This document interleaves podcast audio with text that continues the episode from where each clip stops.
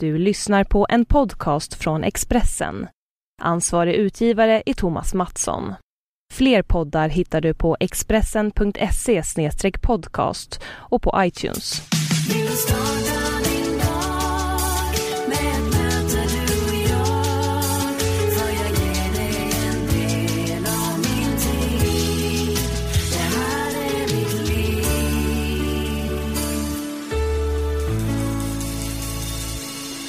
Välkommen till Livshjulet och avsnitt 119. Jag heter Anna Hegerstrand och träffar mina kända gäster som får berätta om livet och de olika delarna i livshjulet. Sedan jag startade den här podcasten för snart två och ett halvt år sedan har jag haft med mig ett par profiler från min hemstad Jönköping. Tidigare har stjärnkocken Tommy Myllymäki gästat och så även äventyraren Renata Slumske. Och idag är det dags för ytterligare en profil från Jönköping som jag raggade upp efter att vi sågs på Sommarkväll i Grännahamn som hon har programlett under sommaren. Det är kanal 5s Karin Frick vi ska få träffa idag och Karin är två år äldre än mig men trots att vi växte upp i samma stad och har jobbat länge i samma bransch och faktiskt också båda två på Expressen så har vi aldrig sprungit på varandra tidigare. Det har kanske att göra med att jag själv inte är så sportintresserad och nu när hon har tagit steget in i nöjesvärlden så fick det våra, våra vägar att korsas. Snart blir hon bland annat aktuell med en andra säsong av Ninja Warrior tillsammans med min före detta personliga tränare Mårten Nylén och Adam Alsing som ju hjälpte mig att starta upp den här podcasten.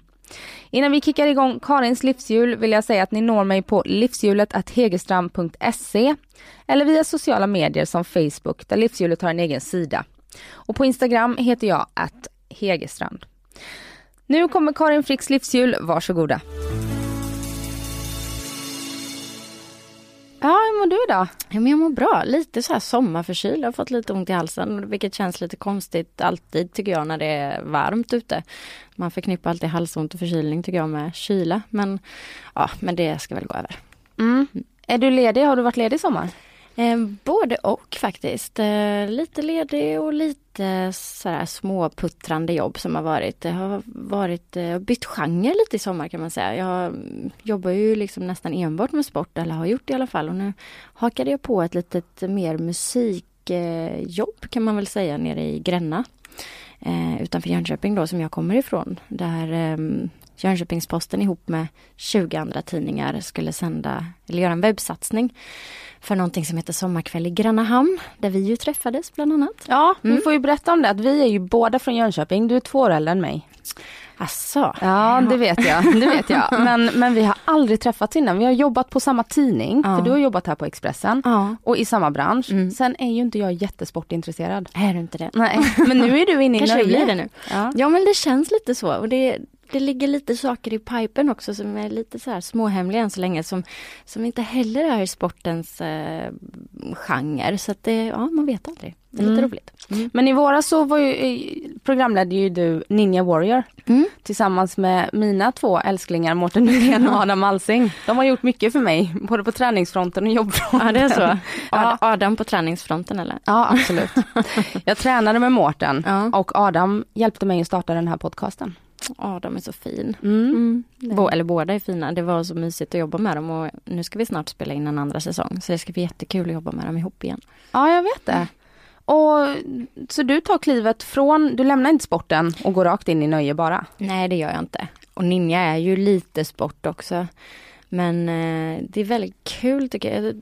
Alltså man har ju en bra grund i sporten på något sätt. För det är ju väldigt, speciellt sport i tv så blir det väldigt spontana sändningar. Du vet ju aldrig vad som ska hända liksom. Och det gör nog att man får liksom en, en, ett register som gör att det är ganska lätt att bredda sig och göra lite andra saker sådär. Att man kan ta mycket saker på uppstuds och, och sådär. Vilket är väldigt kul. Och, och, så var det då om man ska återgå till det här projektet i Gränna då som heter Sommarkväll i Grännahamn som har varit allsång innan i Gränna men som nu bytte format lite och man gjorde den här webb-tv-satsningen då.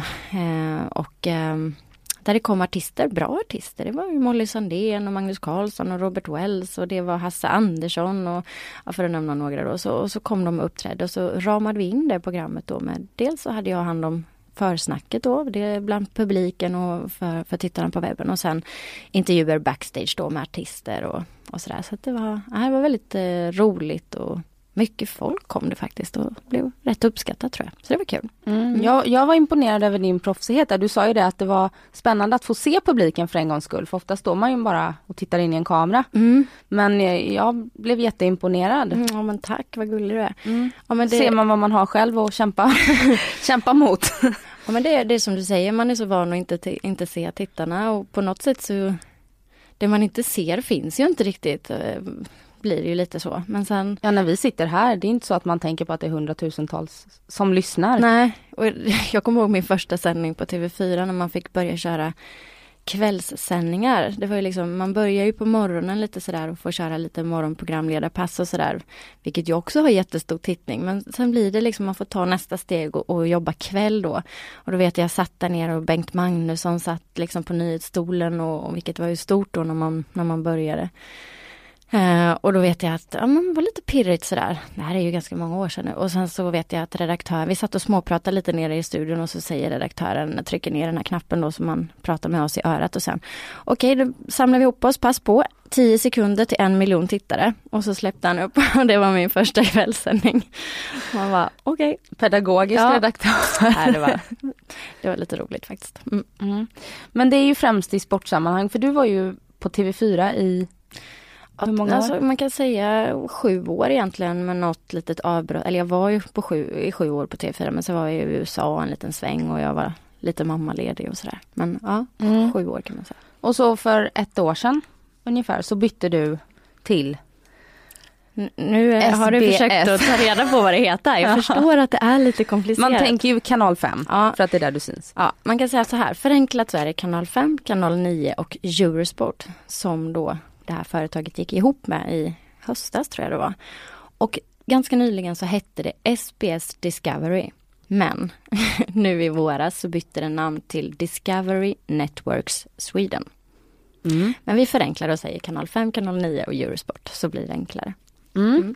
Och du blir, du är ju en av de stora profilerna de har tagit med sig och Adam Alsing tog de också med, eller värvade från trean va? det tror jag de gjorde. Jag har lite dålig koll på det. Men ja, men vi värvades nog ungefär samtidigt tror jag. Mm. Ehm, Och så gick ni ihop och gjorde den här, deras största satsning någonsin vad jag förstått. Med Ninja Warrior? Ja. ja. Jo, men det, det var en jättestor satsning och som, som blev väldigt populär. Alltså den här hinderbanan då, för de som inte riktigt vet vad det är, så är det ju liksom en, en hinderbana, världens tuffaste hinderbana helt, eh, helt enkelt. Och det var ett japanskt format från början. Och sen så kom det till USA och blev jättestort. Jag tror bara det var tre stycken, eller är tre stycken i världen som har klarat hela den här då hinderbanan, världens tuffaste hinderbana. Så att eh, det spelade vi in eh, förra sommaren och nu ska vi spela in en säsong till då. Så jag tror, tror vi håller på, förra året var det fyra inspelningsdagar. Och då bara matar man ju deltagare då och så missar de så åker de i vattnet. Men det var väldigt mycket så här klättrare, parkourare, crossfit-personer och gymnaster som, som klarade sig väldigt bra. Mm. Mm, smidiga. Mm. Hur känns det då? Känner du någon press på dig att eh, axla den här rollen som stor profil på, på den här kanalen? Jo men det är klart att man gör alltså Samtidigt, jag tror, jag funkar väl så som person eller det gör man väl i, i oavsett vilken yrkesroll man har att man alltid vill göra ett bra jobb så Så var det ju på TV4 också att man alltid känner press på sig men jag lägger nog ganska mycket press på mig själv jämt så att ofta brukar det vara min omgivning som tar ner så här, ja men sätt inte för stor press på dig själv för jag är väldigt självkritisk och sätter stor press på mig själv jämt liksom. Mm. Hur tar det sig uttryck? Ja men det är väl att, att jobba med att försöka ändå vara nöjd med det man gör. Alltså att se det i det stora perspektivet istället för att gå in på detaljer hela tiden och bara, Åh, varför gjorde jag så, varför sa jag så? Och att, istället för att fokusera på det då, istället säga, ja men det blev ganska bra ändå liksom. Men jag, ja där är jag väldigt petig med mig själv och, och vill att det ska vara mm, skitbra helt enkelt. Vad tror du det kommer ifrån? Ja, var kan det komma ifrån? Alltså, jag har ju inte haft någon press på mig hemifrån liksom, på det sättet att jag ska prestera hela tiden utan det har varit väldigt mycket stöttning från föräldrar och framförallt då jag höll ju på mycket med tennis på elitnivå under många år och det var ju aldrig det här att jag ska vinna, vinna, vinna liksom, aldrig den pressen utan att jag ska ha roligt och tycka om det jag gör för om jag inte har det då, då är det ingen vits liksom men att att finna glädje i det som man gör. Så att jag tror att den här pressen, det var likadant i skolan liksom. Mina föräldrar, de tyckte liksom så länge jag jobbar och liksom försöker så, så är det gott nog. Men det var väl också för att jag alltid satte så hög press på mig själv så, så försökte de istället säga, ja men det är okej okay, liksom. Du behöver inte vara tipptopp jämt. Eh, så jag tror kanske lite så här tävlingsmänniska, elitidrottare i grunden och, och, och allt det här. Men jag, jag sätter rätt stor press på mig själv och är väldigt självkritisk. Så, så det kommer kanske därifrån att man har liksom tävlat mycket och sådär. Men aldrig från min omgivning liksom. Oavsett om det är föräldrar eller kollegor och sådär. Och du var ju rankad som en av de topp 10 bästa i tennis i Sverige fram till du var 18. Ja, det var länge sedan nu. det känns som jag sa det där en gång, sen så får man, ja, så får man leva med det där hela, ja, hela livet. Men vad var det som, för du åkte också, jag vet att du åkte till eh, Miami mm. och, och pluggade på college ett år. Ja, det gjorde jag. Var det med tennisen då? Ja, så jag spelade tennis på college där. När jag var 20 tills att jag var 21. Och det var ju ett äventyr. Jag liksom hade bott i Jönköping fram tills dess och liksom det var ju tryggt och allt sånt där och sen så packade jag väskorna och drog iväg och kände inte någon där över. Jag hade ju liksom haft, alltså det var väldigt annorlunda korrespondens eller vad man ska säga då. Kontaktnätet där borta var ju inte alls som det är idag liksom att man kan ju inte bara skicka iväg mail. Alltså det var inte riktigt det klimatet då utan jag vet man fick prata med sin blivande coach innan man hade signat så fick han bara ringa typ en gång i veckan och hade han då inte all information den veckan och då fick man vänta en vecka till. Alltså det är mycket sådana regler där borta när det gäller college och stipendier och sånt. Mm. Ja du fick stipendier? Mm. Så det, det var ju superkul att kunna använda sig för då hade jag väl kanske inte den satsningen längre i huvudet liksom. Men då tyckte jag ändå att jag har ju spelat så många år och det är roligt om jag kan göra någonting med det då. Så att det var ju fantastiskt lyxigt att få åka iväg på college. Alltså det blev ju jättemycket tennis då. Men eh, det var mer att jag ville använda mig av tennisen för att komma iväg då. Men då kände jag inte någon. Så att när jag satte mig på flyget där och landade i Miami så hade ingen aning om vem som skulle hämta upp mig, bara att någon skulle hämta upp mig. Och sen kände jag inte någon och sen var det rätt häftigt liksom. När man åkte därifrån ett år senare så hade man ju lärt känna liksom, ja men typ 700 människor liksom på college. Hur var det att komma hem efter ett år när man har bott där? För jag älskar ju Miami, jag har varit där ja, en gång varje år sedan, ja, många, många år tillbaka. Ja. Och jag blir alltid deprimerad när jag kommer hem till Sverige efter att ha varit där. För att det är så härligt klimat, easy life eh, människor, om, även om de inte kanske är genuina sådär, så är det ändå mer värme. Man vänder inte ryggen mot varandra i hissen. Alltså jag, jag håller med dig om allt det där att det är ju liksom en väldigt skön livsmiljö och så här, men när man, sen när man pluggar på college så får man ju, och är 20, man har inte så mycket pengar, du vet man lever inte där, eller Dolce Vita i Miami kanske som man skulle vilja göra om man ska bo i en sån stad. Utan det är ganska mycket, man har sitt dormrum, man tränar liksom 18 000 timmar om dagen och man har skolan. Alltså, där är också mycket press. Där kan man känna mycket press på sig. För där är ju mer sådär att omgivningen förväntar sig mer än vad de kanske gör i, i Sverige tycker jag. Alltså om du kommer dit och ska leverera för att du är där på ett stipendium, då vill ju amerikanerna se resultat. Liksom. Coacherna bara, mm, det är bara vinst som gäller. Det spelar ingen roll hur bra du spelar om du förlorar, det är vinst som gäller. Mm. Men så att, och jag hade ingen bil när jag bodde där och det är en stad som man måste ha bil i för att kunna förflytta sig. Så jag kände mig kanske lite låst för att bo i en sån lyxig stad eller vad man ska säga som, mm. som kan erbjuda så mycket mer. Så jag tyckte väl att det var okej. Okay. Men sen har jag varit tillbaka när jag blivit äldre och så här och då kan jag kanske mer uppskatta stan på det sättet som du beskriver den på. Men just där och då så tyckte jag det var rätt skönt att komma hem för att jag Dels blev jag lite skadad och sen så jag trivdes sådär på skolan och tänkte att eh, jag ska se om jag kan ta mig iväg till en annan skola. Så jag hade faktiskt eh, kontakt med en skola utanför New York. Det kändes som att det kanske skulle passa mig lite bättre. Och det här var ju 2011 då, så skulle jag åka över och provspela för den här skolan. Och precis då så... 2011? Nej, vad säger jag? 2001. Ja. precis, det var... Det var när hann du med det mitt i allt? Ja. ja, precis. Nej, 2001. och precis då så var det ju terrordåden i New York mm. efter september 2001. Och då, ja, men då blev det så otryggt alltihopa så då, precis då skulle jag flyga iväg och då vågade jag inte flyga iväg även om det kanske var säkrare än någonsin. Så då, ja, men då rann det liksom ut i sanden och någonstans så kanske det var meningen på något sätt. Jag vet inte. Hur kom det sig att du eh, slutade satsa, att du inte fortsatte satsa om du låg så högt upp och spelade på elitnivå? Ja, men dels var det väl att jag fick lite skador och sådär och sen det är så lätt då när man i den åldern blir lite skadad, inte kan göra det som du gör så mycket hela tiden, så börjar man hitta andra saker. Man kanske börjar umgås med vänner liksom som inte är inom elitidrotten och du inser att det finns andra saker och sen är det ju faktiskt så, man måste ju börja försörja sig någon gång också. Så att eh, så länge jag liksom inte, ja men så länge jag gick i skolan och så länge jag pluggade på college och sådär så gick det ju men sen måste man ju skaffa sig ett jobb på riktigt liksom. Så då, då blev det väl lite så att jag började spela på lite hobbynivå. Plus att jag hade lite skador så jag kunde inte spela lika mycket längre och då, då slutade jag. Mer eller mindre kan man säga. Visste du att du ville bli journalist? Nej, alltså jag vet inte riktigt hur det kom sig. Jag har alltid tyckt om liksom både att skriva och men framförallt liksom klimatet i idrottsvärlden tycker jag är väldigt eh, roligt att befinna mig i. Och jag kände väl lite när jag hade varit i USA så fick jag väldigt mycket kontakter, både svenska kontakter men också internationella kontakter, framförallt inom tennisen.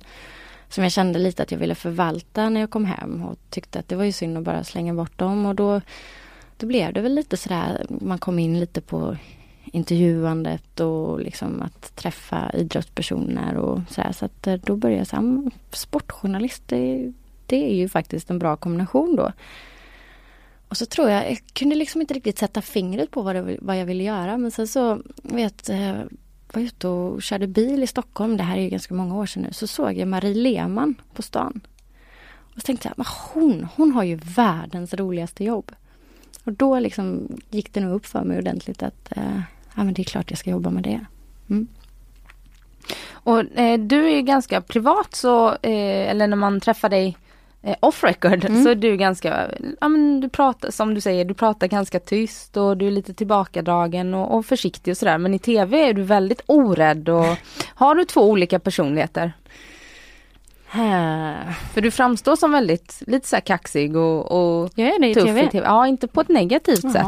Ja, men det är intressant att höra. Men jag Mm. menar det är inte så att du drar dig för att ställa vissa frågor till Zlatan eller nej, böjer men dig nej, för- sånt där, för honom. Nej, och det gör jag ju inte privat heller egentligen. Men jag tror bara...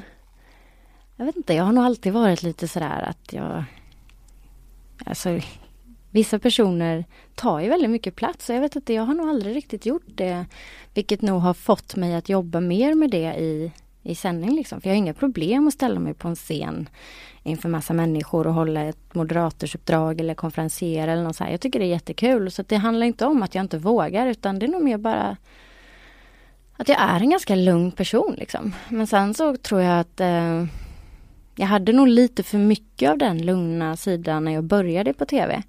Vilket gjorde, jag kan så här, inte gräma mig för, eller över, men, men lite när jag började på till exempel på fyran och hade eh, inte så många års erfarenhet. Man, man vet inte riktigt var man står någonstans och man, man kommer in och liksom eh, kanske inte vågar ta för sig lika mycket.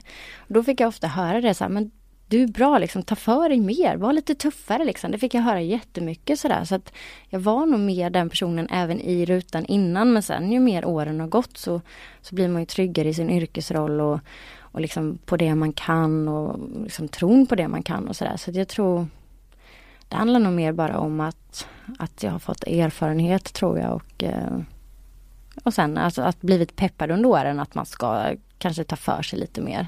Och det är det jag skulle säga, det kan jag kanske gräma mig för lite att jag, eller över att jag inte gjorde det mer när jag startade i tv-branschen. Men samtidigt är man ju som man är och det är som någon slags personlig utveckling som har blivit genom åren. Upplever du att du har fått bevisa dig mer för att du är kvinna i den här mansdominerade branschen? Nej, alltså. Mm, jag vet inte riktigt. Jag tänkte inte så mycket på det. När jag började så var det ju det var ju då som det var ganska mycket tjejer som började komma in i den här branschen. Nu för tiden så tänker man ju inte på det egentligen alls eh, längre. Eh, så nu känner jag aldrig så. Um, men jag vet inte, det är många som pratar om de här vassa armbågarna och säger jag har inte riktigt upplevt det. Inte, inte direkt riktat till mig eller mot mig i alla fall. Sen vet ju inte jag vad som har sagts i korridorerna liksom, men jag upplever att det ändå har varit ett ganska schysst klimat faktiskt. Eh, så, nej, jag kan inte riktigt säga att jag har behövt bevisa det. Sen kanske det har varit så, men det är inte någonting som jag verkligen, verkligen har tänkt på. när du började på, på eh, femman, nian och Vi säger, kan säga femman. femman. Gör det. Ja, du var ju mammaledig när du fick det erbjudandet. Ja, jag fick ju en son här i februari förra året och jag tror de hörde av sig i början på april. Så han var väl en fem veckor eller något sånt där. Och det var ju liksom, nej jag var inte alls inställd på det utan eh, jag gick hem på mammaledighet och vet jag, hade varit på handbolls-EM i Danmark i höggravid liksom. Jag kunde knappt sitta vid studiobordet och kom hem och var ganska liksom, trött. Jag vet att jag låg och kollade på OS och tyckte att det var helt okej okay att ligga i soffan och kolla på OS. Och så, eh, så tänkte jag att ah, jag hade liksom inte alls de tentaklerna ute och sen så hörde de av sig och så började liksom tankarna snurra och ja, ska man göra det kanske och byta? Och, ja. Det var inget självklart val att lämna fyran? Eh, nej, alltså det var det ju inte eftersom jag inte hade tänkt på det. Jag trivdes ju jättebra på fyran ehm, eh, och har haft, som jag sagt innan, jättemånga bra år där och fått göra jättemycket roliga saker och tycker att det en, har varit en superbra arbetsplats. Eh, så att jag hade liksom inga tankar på det men sen när det dök upp så kände jag nog lite ändå att att det vore roligt och det vore liksom synd att inte testa. Jag tror att jag skulle grämt mig om jag inte testade på det. Det gav mig också lite möjligheter att med två ganska små barn liksom kunna styra sin tid lite mer. Jobba lite mer fritt och liksom kanske lite färre sändningar. I alla fall så här inledningsvis men att jag kunde, det gav mig mer frihet, kunde jobba mer hemifrån, kunde liksom planera min tid mycket mer så länge jag liksom levererar mina sändningar så tiden i övrigt var mycket mer fri. Och det passar ganska bra när man har två små barn. Fanns det en tanke också för att på fyran finns det ju väldigt många starka profiler och Anna Brolin är där också som är i samma nisch som, som du. Um, fanns det en tanke att du kunde uh, få mer utrymme om du gick till femman också? Och göra andra saker. Nu gjorde du Ninja Warrior till exempel. Ja, ja men det, inte så mycket så här konkurrensen eftersom jag inte hade tänkt så himla mycket på det. Eh, men, eh, men däremot så just att få göra andra saker och sen så blir det ju såklart alltså alla har ju sitt varumärke på något sätt och så länge man går i samma spår och man liksom även om man byter lite Alltså mästerskap kommer och mästerskap går men det är lätt att åren bara rasar på liksom. Jag tyckte det var kul att, att göra ett litet avbräck och sticka åt något helt annat håll och, och liksom ja, men liksom bredda mig lite, stärka mitt varumärke som det ändå blir att en annan kanal vill ha en. Är ju, det är ju väldigt smickrande samtidigt. Och jag tyckte att få vara en del av deras satsning då som Discovery gjorde där med att man köpte EM och VM-kvalet i fotboll och sen så köpte man handbolls-VM och sen gick man ihop med Eurosport och då fanns det helt plötsligt tre Grand Slam tennistävlingar att jobba med. Och, och, plus det här att få göra andra saker, göra saker vid sidan av jobbet, att starta sitt eget företag, att liksom kunna göra så mycket saker. Så det, det kändes som att en, ett litet avstamp och göra någonting helt annat, en chans som man... Ja, jag, jag tror att jag hade ångrat mig om jag inte hade gjort det. Mm. Och, och, det är härligt att höra en tvåbarnsmamma sitta och säga det här för att jag har ju, jag har inga barn själv. Och jag har ju någonstans tänkt så här att man knappt vågar skaffa barn när man är frilans för att osäkerheten och ja, kommer allting ta slut och, och om jag går på mammaledighet och kommer jag bli bortglömd. Men eh, man behöver inte välja. Nej det behöver man inte. Eh, inte i det här jobbet. Sen, sen har jag ju förståelse för om man jobbar på ett företag där man kanske har specifika uppgifter som kräver att man är där var och varannan dag. Liksom, att man ska ta in någon annan som ska eh, eh vikariera för en under den tiden man är borta. Men det här jobbet är ju lite konstigt på det sättet. Sen, sen det du beskriver, jag kan förstå att många känner liksom otrygghet.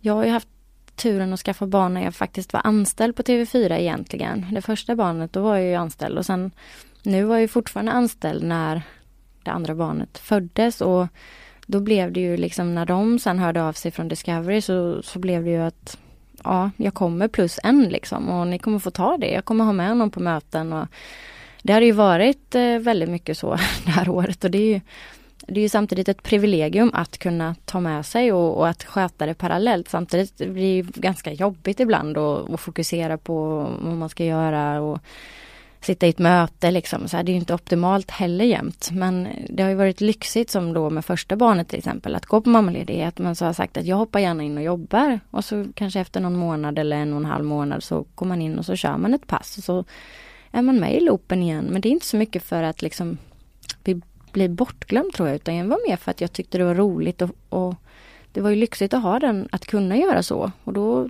tyckte jag också att det var roligt att, att inte bara vara mamma utan kunna jobba lite också. Och komma in och köra en sändning, sen kunde man vara borta i några veckor igen och sen så kunde man jobba en helg kanske och så här. Så jag tyckte det, på det sättet var det väldigt lyxigt men jag... Så att, jag tror att eh, man, man får se till den situationen man har själv och, och liksom, jag tror inte man ska känna någon press på sig att hela tiden vara med i den där loopen. Men det, det är svårt alltså, det är ju det. Men eh, jag tror inte heller man ska vara så rädd för att säga att ja men jag har det här nu, nu är jag här men jag jobbar gärna liksom. Ni kanske kan ta det lite för vad det är och så men det är så upp till vad man är, på vilken arbetsplats och hur det ser ut. Liksom. Ja och det är ju faktiskt då att jag har ju eh, manliga vänner som är chefer och mm. äger företag och sådär och jag har pratat med dem. Och de säger sådär att det är självklart det är väsentligt för mig om jag anställer en person som ska skaffa barn inom ett år eller sådär. Mm. Eh, och det, de hymlar ju inte med det utan det är ju så, vi är ju inte längre än så. Nej. För att det påverkar ju mm. dem. Och det är svårt att komma runt det där liksom. Um, och som sagt, som programledare då kan du liksom vara lite in och ut, alltså du kan ju göra det. Um, och ska jag gå till det första barnet när jag var på TV4, då fick jag liksom större uppdrag än någonsin precis när barnet var fött. Liksom. Jag fick frågan att leda ett handbolls-VM när han var fyra månader. Liksom. Och jag tyckte att det fanns en väldig stöttning därifrån och likadant nu Discovery, de frågar mig när de vet att jag precis har fött ett barn till. Liksom. Så att jag, jag tycker att det har funkat jättebra för mig. Men eh, sen förstår jag att det inte är så för alla och det är svårt alltså. Man vill ju att det ska vara jämställt där. Ja. Såklart. Och eh, dina barn är, Sven är fem mm. och Gunnar är ett och ett halvt då? Ja, mm. det är de. Ja, och tyckte du det var kul att vara mammaledig? Får man säga att det är tråkigt att vara mamma? Ja men det är klart att det inte alltid är kul.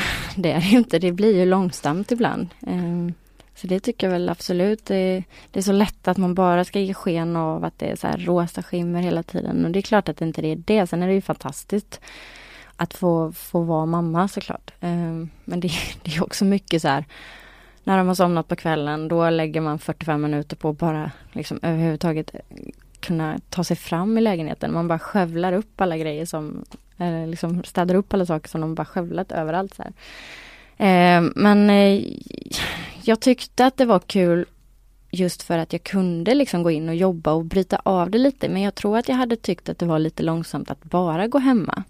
Jag tror inte jag är den personen liksom. Så att, Lattemorsan? Nej men sen älskar jag den delen också att kunna gå och bara vara ledig och dricka latte och, och liksom sådär. Men jag, jag tyckte att det varit väldigt, det har passat mig väldigt bra. Jag hade nog blivit lite rastlös att bara gå hemma faktiskt. Så att ja, det tycker jag man får säga. är det nog med två barn eller skulle du vilja ha fler barn? Oh, svår fråga. Just nu känns det som att man har ganska fullt upp som det är. Och, men det är väl också det här året som har varit att jag har jobbat samtidigt som han inte har gått på dagis. Eh, så nu ska vi se hur det blir här när han börjar. Då kommer det bli lite annorlunda. Men just nu så känns det som att det är ganska lagom. Mm. Hur har du förändrats tror du eh, genom att bli mamma? Svår fråga faktiskt. Um, jag tror man kanske blir lite sådär att det blir någonting som är det viktigaste på något sätt i livet är ju ens barn. Alltså, så blir det ju. Så jag tror att man kanske lär sig att kunna se andra saker. Att vissa saker inte är så viktiga. Det är lätt att man går in i jobbet ibland och blir tokfokuserad på vissa saker eller sådär. Och sen om man kanske tycker att man har gjort något mindre bra sändning eller någonting. Och sen så liksom barnen tvingar ju en att vara här och nu på något vis. Vilket är rätt, eh, rätt befriande. Um, så att det kanske är att man värdesätter andra saker, liksom, eller saker lite annorlunda i alla fall, tror jag. Mm. Mm. Och ni har ju valt i er familj att, uh, att de är inte offentliga. Bara för att du har valt ett liv i tv-rutan mm. eller ett mm. jobb som innebär att du blir offentlig så, så eh, vill du inte liksom eh, visa upp för mycket ditt privata. När det kommer till, det har varit en ganska stor debatt liksom om, om bloggare som visar ansikten på sina barn eller inte. Hur ställer du dig till det? Självklart får ju alla göra som de vill, alltså det är upp till var och en. Eh, och precis som du säger, de har inte valt att jag ska ha det här jobbet. Sen, sen när de blir äldre då, då får de ta det beslutet själva hur de vill göra och om de kommer tycka att mamma är pinsam eller om de kommer tycka att mamma är bra eller eh, det kommer säkert vara hela spannet men just nu så jag tycker i alla fall att ja, men var och en får göra som de vill men jag tycker det är värt att tänka efter för att eh, det är ju faktiskt så att när man oavsett om man bara har sitt lilla privata Instagramkonto eller något sånt där. Alltså när du väl är på internet så är det ju ute liksom. Uh, så är det ju. Och uh, Du visar aldrig din uh, man eller dina barn på Instagram eller något sånt där? Nej, alltså när de var riktigt små eller mindre då kunde, då kunde liksom Som när Gunnar var nyfödd till exempel. Och, så ser han ut som alla andra bebisar? Ja men lite sådär. Sen när de, det finns väldigt få bilder på dem. Um, och det är ju både och liksom för att som sagt man är ju superstolt över sina barn och ibland ska man, eller, man vill ju visa hela världen hur fantastiska de är, så tycker ju alla. Um, så att det, jag kan brottas lite med det ibland. Men samtidigt så har jag liksom bestämt mig att nej men det, det är vi liksom och uh, jag tror ju att man vet aldrig vad de bilder och så hamnar i. Eller just, just den här känslan av att inte äga sina egna bilder liksom. Även om man som sagt har privata konton eller bara delar med vänner. Så, här. så när du har lagt det på internet så finns det ju. Mm. Mm. Det tycker jag är lite läskigt. Mm. Um, hur, hur eh, funkar det? Du jobbar och så är du mamma och när det bara är din tid. Vad lägger du den på? Vilken tid är det? Ja, det säger alla småbarnsföräldrar. um, nej men eh, jag, det jag kan känna lite senaste åren är att träningen har varit lite eftersatt och det är delvis mitt eget fel men också för att det är mycket annat. Liksom det är svårt att få, få tid så här. Jag, jag har haft svårt tycker jag sen, jag sen jag slutade spela tennis att hitta en träningsform som jag tycker är rolig. Jag, du spelar inte tennis idag? Ja, alltså till och från och tanken är väl att jag ska försöka spela lite mer nu när, när Gunnar börjar på dagis. Och, Um, eller förskolan som det heter. Uh, och, och sådär, försöka ta upp det lite. Men det jag, jag tycker, jag, varit, jag var så otroligt bortskämd när jag spelade tennis. Och jag åkte till träningen, gick in på en tennisbana. Där stod en tränare med en bollhink liksom. Och så hade man andra som man tränade med. Och så, så bara sa de åt en vad man skulle göra och då när man var yngre så tänkte man inte på att kroppen faktiskt fick sitt liksom, att det var väldigt bra träning utan då tänkte man ju mer på att man skulle hitta rätt bollträff inför någon tävling eller liksom hitta den här känslan. Så. Nu inser man ju hur otroligt jobbigt det är för kroppen liksom att spela på, på det sättet. Eh, men då, jag var så bortskämd liksom. Jag behövde bara gå till träningen så var det någon som sa gör så här och spring så fort du kan och kör så hårt du kan och så gjorde man det och sen var det bra liksom. Och sen när man slutade med det så skulle man helt plötsligt pusha sig själv till att gå iväg och vad ska jag göra och jag måste boka en bana och jag måste hitta, måste köpa bollar och jag måste hitta någon att spela med. Alltså det blir så omständigt just det här med tennisen på det sättet. Uh, och jag hatar ju att springa. Jag tycker det är så tråkigt. Mm. Jag, tyvärr, för att det är en fantastisk träningsform och det enklaste i världen. Men jag tycker det är så tråkigt. Uh, jag tror aldrig, jag vet inte om jag någonsin kommer att hitta glädjen i det. Men jag tycker det är så tråkigt. Så nu, det jag gjorde nu var att nu så köpte jag ett träningskort och så kan jag gå på pass liksom. För det är lite samma sak. Att då går jag dit, jag anmäler mig till ett pass, jag går dit. Och så är det någon som säger åt mig, gör så här liksom. Kör stenhårt. Och då tycker jag att det är roligt. Så det, det har blivit eh, bättre på sista tiden. Och sen så hade vi också i min tennisklubb, jag är med i en tennisklubb i Stockholm här som heter Salk. Eh, och som ligger ut mot Bromma. I Traneberg? I Traneberg. Där har jag bott. Har du det? Mm. ja, du vet var Salkhallen ligger. Ja, ja mm. visst. där spelar jag mycket Jag tränar i SAT som ligger i Salkhallen. Ja, just det. Mm. Det har blivit jättefint. De har ju gjort superfint där nu. Och där spelade jag ju Ehm, för länge sedan. Alltså jag var ju där och tävlade innan den brann ner för första gången och sen byggdes upp igen. Men i alla fall då så var jag med i någonting som heter KLAS, alltså SALK baklänges. Och då fanns det KLAS för damer och KLAS för herrar. Och då var det tjejer i min ålder, liksom plus minus några år, som kanske hade varit på college och kommit hem eller fött barn och jobbade liksom, men som ändå ville hålla uppe nivån på en hyfsat bra nivå. Liksom. Alla hade spelat på hög nivå när de var yngre och då så hade man tider, tre tider eller fyra tider i veckan och så fick man sätta upp sig på de dagar man kunde. Och då var det lite samma sak och så såg man då vilka som hade anmält sig och så vem man var uppsatt med och så gick man dit och så hade man en budget då så, som betalade timmarna, som betalade bollar och så gick man dit och det det var ju så bra koncept jag kunde liksom hitta efter. Men samtidigt då jobbade jag ju på fyran och det, man jobbar ju mycket kvällar och helger och det är svårt att dels mot andra så här, ah, jag kan inte ikväll, jag måste jobba. Så det blir svårt att hålla de här tiderna och de kvällarna. Så det blev också svårt att, att, spela flera dagar i veckan. Så det var inte heller optimalt utifrån det jobbet som man har. För många jobbar ju dagtid och det är perfekt att gå iväg och spela tennis på kvällen. Så att eh, nu så, mm, lite tennis och sen så älskar jag att spela golf. Men det tar ju hundra år varje gång man ska gå en runda. Så det är också svårt att komma iväg och få tid. Det är inte riktigt eh, försvarbart kanske att åka hemifrån och vara borta i sju timmar liksom, för att spela golf. Inte för ofta i alla fall. Vad har du i handikapp? vad har jag nu? Jag var väl nere på 15 eller något sånt där. Nu har jag kanske 17 eller någonting. För jag spelar jättelite. Mm. Det blir lite sådana här tävlingar i jobbet och lite sådär. Mm. Mm. Kändisgolftävlingar. Ja, det, det, är du som får ta det ordet. Jag tycker det låter så fjantigt. Jag har bevakat ett antal sådana. Ja, det är väldigt kul faktiskt. Och det finns ju många sådana som är väldigt bra också. Jag var med och spelade Drottning Silvias barnsjukhus golf nu nere i Göteborg då. Med en insamling på kvällen. Så att det finns ju mycket sådana som är väldigt givande faktiskt. Mm. Mm. När det kommer till kost och sådär, är du noggrann, noga med vad du äter? När jag var yngre var jag inte det.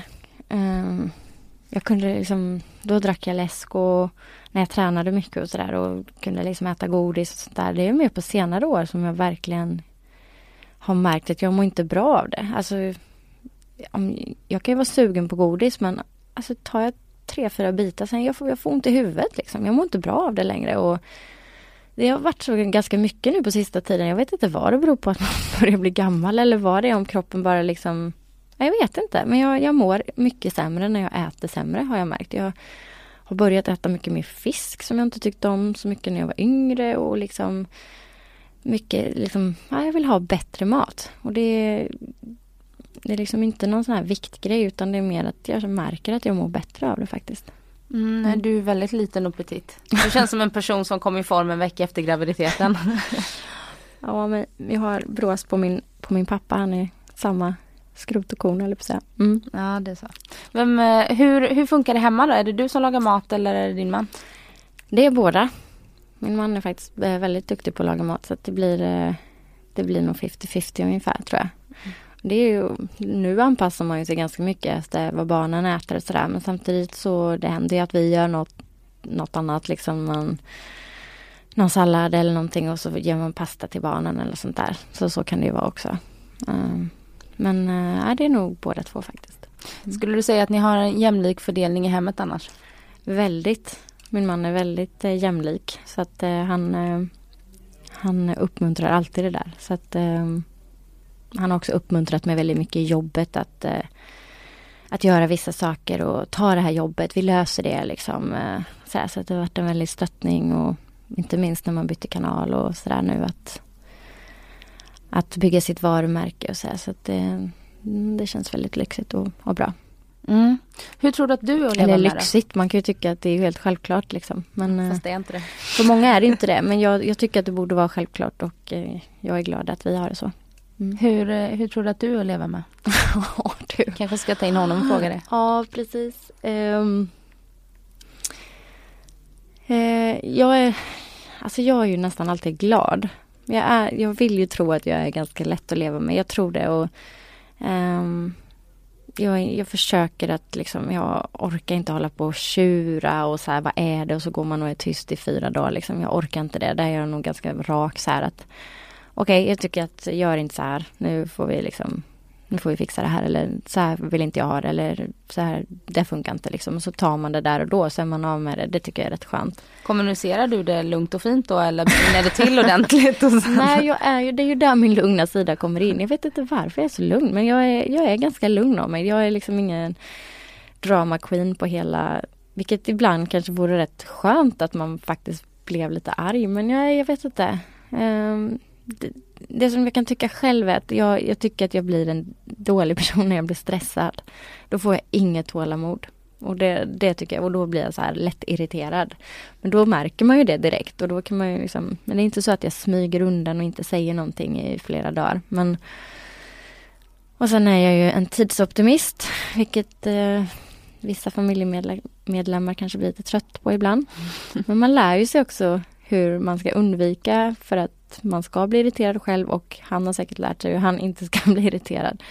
Um, men eh, det är ju sånt som man försöker så här, ja men nu ska jag verkligen vara i tid. Jag var i tid idag till exempel när vi mm. såg, så var jag väldigt glad över. Så att jag kan ju vara i tid men det är ofta jag springer in med andan i halsen, vilket stör mig för jag vill ju vara i tid. Men ja, jag vet inte varför jag är så. Och sen så vill jag ju ha ordning och reda omkring mig. Eh, och blir så stressad när det inte är så, vilket det ju nästan aldrig är, speciellt med två barn. Men sen är jag väldigt, liksom, jag gör mer ryck liksom hemma. Så att, eh, till exempel mina kläder, ja, jag kommer hem på kvällen, lägger dem i stolen och så tänker jag, jag tar dem imorgon och så händer det någonting så blir det inte att jag tar dem imorgon och så byggs det på lite grann. Och det är väl också kanske lite jobbigt ibland. Mm. Men när du, väl, när du väl bestämmer dig och är du en doer då att du så här... Ja men då vill jag, då, då vill jag liksom att det ska vara jättefint och då blir det så här synd att det stökas ner fort igen. För det gör det ju liksom. Men mm. samtidigt måste man ju, man lever ju i ett hem liksom. Samtidigt när man bor i en lägenhet fyra personer, det blir så här, jag är sjukt trött på att man ska in med en väska i en garderob och sen så ska man ta ut den och så trillar det ut sju väskor eller det trillar ner någon kavaj eller någon skjorta. Alltså det är... Ja, det är lite tröttsamt. Mm. Mm. Trivs du annars där ni bor? För ni bor i en lägenhet i stan? Mm, det gör vi. Men vi är på väg ut ur stan. Eh, om ett år ungefär så kommer vi flytta utanför Stockholm eh, och bygga hus. Eh, och så, så att det ska bli väldigt skönt. Jag längtar verkligen till att få lite mer space. Eh, liksom dels att kunna vara ute lite mer. Det blir så här, alltså det blir som projekt varje gång man ska ta sig ut ur en lägenhet. Jag tycker att lä lägenhetsboendet har, har jättemånga fördelar. Men, men just med två barn och så här, det, det blir så mycket saker och det blir mer saker ju äldre de blir. Så att ja, det ser jag fram emot. Mm. Mm. Ni ska bygga det från grunden då? Ja, det ska vi göra. Eller så låta att, bygga det kanske, inte ni själva. Jag tänkte göra nej. uh, ja, uh, min bror är arkitekt så att vi ska uh, göra det tillsammans med honom och hans kollega. Så att det, det ska bli väldigt roligt. Ja, lyxigt. Mm. Och får det precis som man vill ha det? Ja, förhoppningsvis så, så blir det ju det. Så att det, man själv är uppvuxen i hus och så, så ska det bli Ja, jag har saknat det lite grann nu speciellt sen man fick barn. Så det ska bli roligt att, att komma in i ett hus igen och få bestämma lite hur man vill ha det. Så.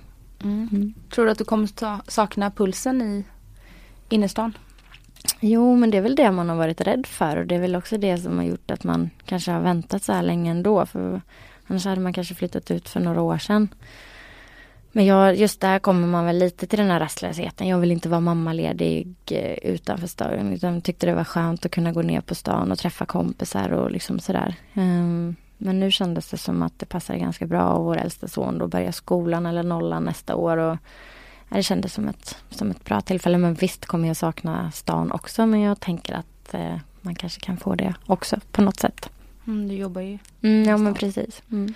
Eh, att få eh, andra barnet. Mm. Jag har flera kompisar som har fått ganska tätt. Nu har inte du så tätt eh, mellan dina men eh, de säger att ett barn är inget barn och två barn är väldigt, väldigt många barn. Och man pratar om den här tvåbarnschocken. Hur var den för dig? Eller fanns den för dig? Nej, däremot så fanns nog enbarnschocken lite grann. Alltså jag blev ganska, eh, jag blev ganska sjuk efter första barnet. Eller sjuk, jag fick en någonting som heter, eller som heter, jag vet inte om det heter något särskilt, men jag fick en sköldkörtelrubbning. Eh, jag visste knappt vad sköldkörteln hade för funktion liksom när, när det här eh, uppdagades. Och när man, när man är gravid så får man den frågan, har du haft några problem med sköldkörteln? Nej, aldrig, så jag vet inte, liksom, nej, ingenting. Så gick det väl kanske två månader efter förlossningen så blev jag jättedålig. Fick otroligt ont i, i händerna. Kunde knappt lyfta Sven då. Och eh, mådde ganska dåligt eh, generellt. Jag liksom kallsvettades och frös eh, och svettades liksom om vartannat. Så där. Det var jätte, jätteobehagligt. Och kände mig lite låg och ja, men man kände att det var någonting som inte var som det skulle. Och det är just den här perioden när alla säger, för lite det jag menar, att man, man vill så gärna ge sken av att allt är så lyckligt och allt är så mm. fint att skaffa barn sådär. Vilket ju såklart det är många gånger men det, det finns ju en annan sida också. Att, och just den här känslan av att eh, man skulle vara så lycklig när man hade fått första barnet. Och det är man ju på ett sätt men samtidigt kroppen tar ju, det är ju en rejäl omgång liksom. Och jag tror inte att jag var förberedd på riktigt att, att det kan bli sådana liksom eh, fysiska konsekvenser kan det ju få liksom. Du kan ju ha en jobbig förlossning och sådär men just eh, hormonellt så tänkte inte jag alls att det kunde bli sådana svackor eller vad man ska säga, sådana rubbningar på det sättet. Plus att allt sånt där, amning och sånt, jag tyckte det var skitjobbigt i början liksom med första barnet. Men i alla fall till slut så, jag tänkte att jag hade fått något reumatiskt så att jag gick iväg till läkaren och sa det liksom att jag, jag har så ont i mina händer, jag kan inte lyfta vår son som väger fyra kilo. Um, och så var det någon väldigt bra ung kvinnlig läkare där som kanske hade känt, eller det kändes som att hon kände igen sig lite och så, så sa hon så här, är det något annat så här, åh jag känner mig liksom lite ja men inte alltid så glad och liksom, ja man kände att det var någonting som var fel. Och då sa hon så här, eh, jag tror att vi ska titta på din sköldkörtel, sa hon då.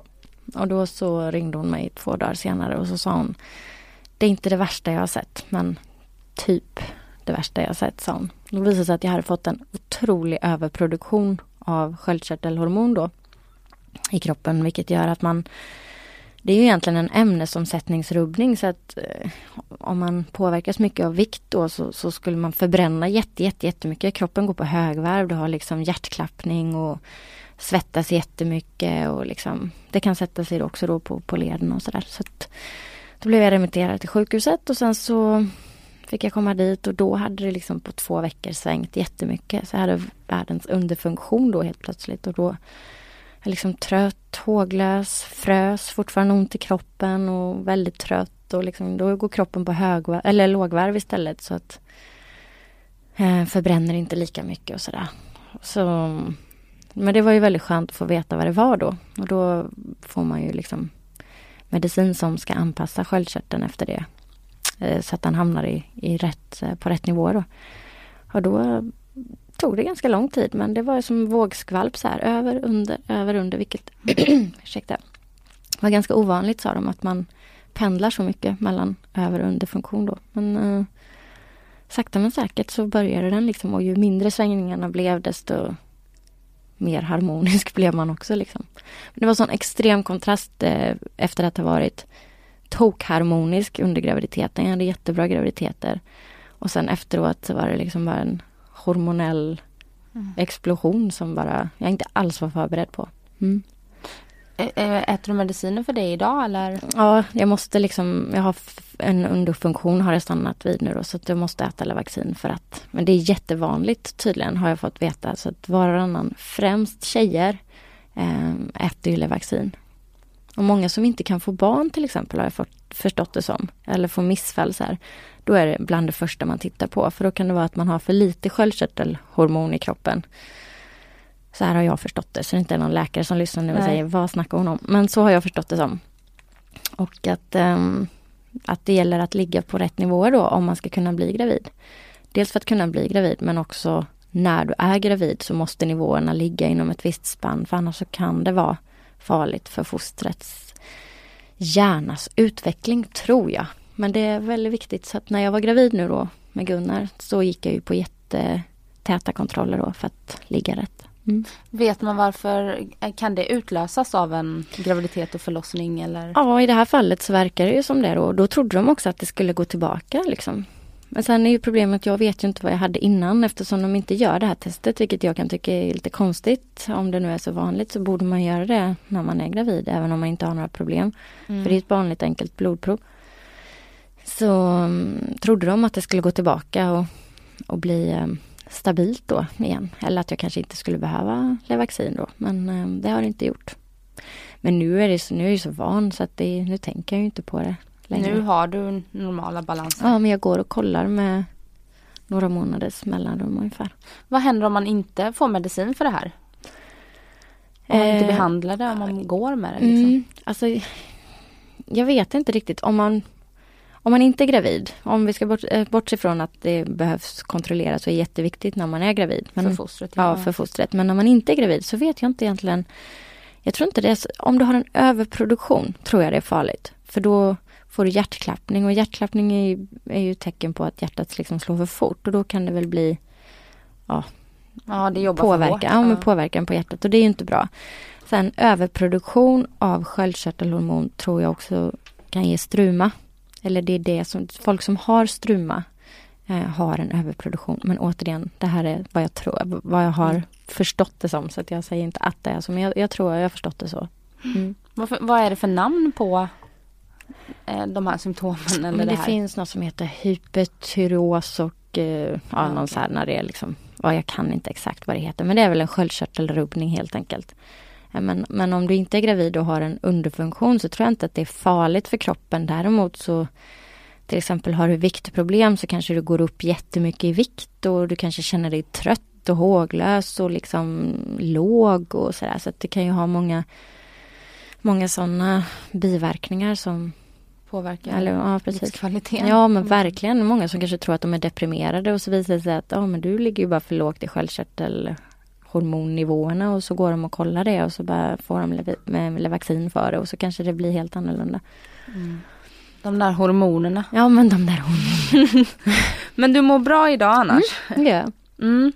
Det gör jag faktiskt. Och så undrar jag, nu när du har bytt eh, kanal, tagit ett, ett kliv vidare i, i karriären och sådär. Vad vill du göra framöver? Förutom att, för du kommer hålla i EM-kvalet. Mm inför fotbolls-EM. Ja, Titta, jag satte ja. den och Ninja Warrior. Finns det något annat? Jag läste någonstans att du vill ha ett eget program.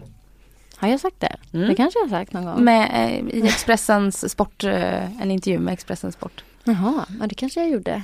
Att gräva lite djupare, ja, att det ofta ja, blir lite ja. ytligt i intervjuerna du gör. Ja men precis. Jo men det har jag sagt och det, det står jag fortfarande fast vid. Det skulle vara jättekul för jag tycker ofta så blir det, man har den här programtiden och så blir det väldigt begränsat och sen när man har lite tid som nu i våra EM-kvalsändningar i kanal 5 till exempel eh, så finns det ganska mycket tid efteråt, eh, efter matchen. Men då blir det ju väldigt matchfokuserat och man blickar framåt mot nästa match. Och liksom så här, jag skulle tycka det var roligare att få lite mer mm, personliga eh, liksom vinklar på det hela och, och mm, komma folk lite mer in på livet och det kanske är där min lugna sida lite mer skulle komma till sin rätt också, att få sitta i den mm. typen av miljö. Låter som jag är jättelugn, jag, så, jag vet inte om jag är så lugn men alltså Du har det i dig? Ja men alltså att kunna ta folk också och, och liksom kanske känna av personkemin och lite och det skulle jag vilja använda mig lite mer av att komma folk lite mer in på livet och det det är ju svårt om man inte har det formatet med ett, ett intervjuprogram eller något sånt där. För att ofta så är det mycket kortare programformat liksom. Mm. Så det skulle vara roligt. Det, det tycker jag fortfarande. Och, och, sen har jag ju lite andra grejer på gång. Alltså, dels så när vi gick ihop med Eurosport så har man ju hela den kanalens palett också liksom. Och jag var på Franska öppna i tennis i Paris i våras vilket ju var det var första gången, jag har jobbat jättemycket med Wimbledon, men alltid på hemmaplan. Men det var första gången jag fick åka till en, eller på en Grand Slam-tävling och jobba och det var jättekul eftersom man har sänt mycket tennis och spelat själv sådär. Mm. Um, men sen har jag ett annat projekt som jag tyvärr inte får prata om. som kommer äga rum här, eller ett projekt men en grej som kommer äga rum i slutet på september som snart kommer bli officiellt. Och det, det är liksom en helt annan grej med kanal 5 som ja, det, det ska bli väldigt eh, det är en väldig ära att ha fått den här förfrågan och jag ser fram emot det jättemycket och det kommer bli något helt annorlunda. Så det, det blir spännande. Och sen har ju Discovery köpt OS 2018, 20, 22, 24. Två vinter, två sommar-OS. Mm. Och det har man ingen aning om liksom hur livet ser ut då, 2018. Det, det går ju fort men det är ändå två och ett halvt år till. Och men samtidigt är det ju väldigt roligt att vara på Discovery eftersom har man köpt fyra OS så är ju inte det någonting som man börjar med 2018 utan det är ju liksom ett, mm. ett projekt och ett jobb som, som kommer påbörjas redan nu och det ska bli jättekul att, att vara en del av det också. Det förstår jag. Mm. Det finns grejer att göra med andra ord. Ja, det är kul. och vad kul att du kunde komma förbi och gästa mig. Tack för att jag fick komma. Mm, och lycka till med allting nu framöver så ska det bli spännande att se vad det det här projektet. Ja, det blir spännande. Ja. Ni får veta det snart. Ja, eh, och ha det så bra ni som har lyssnat på oss idag. Och så säger jag hej då till dig Karin. Hej då, tack så mycket.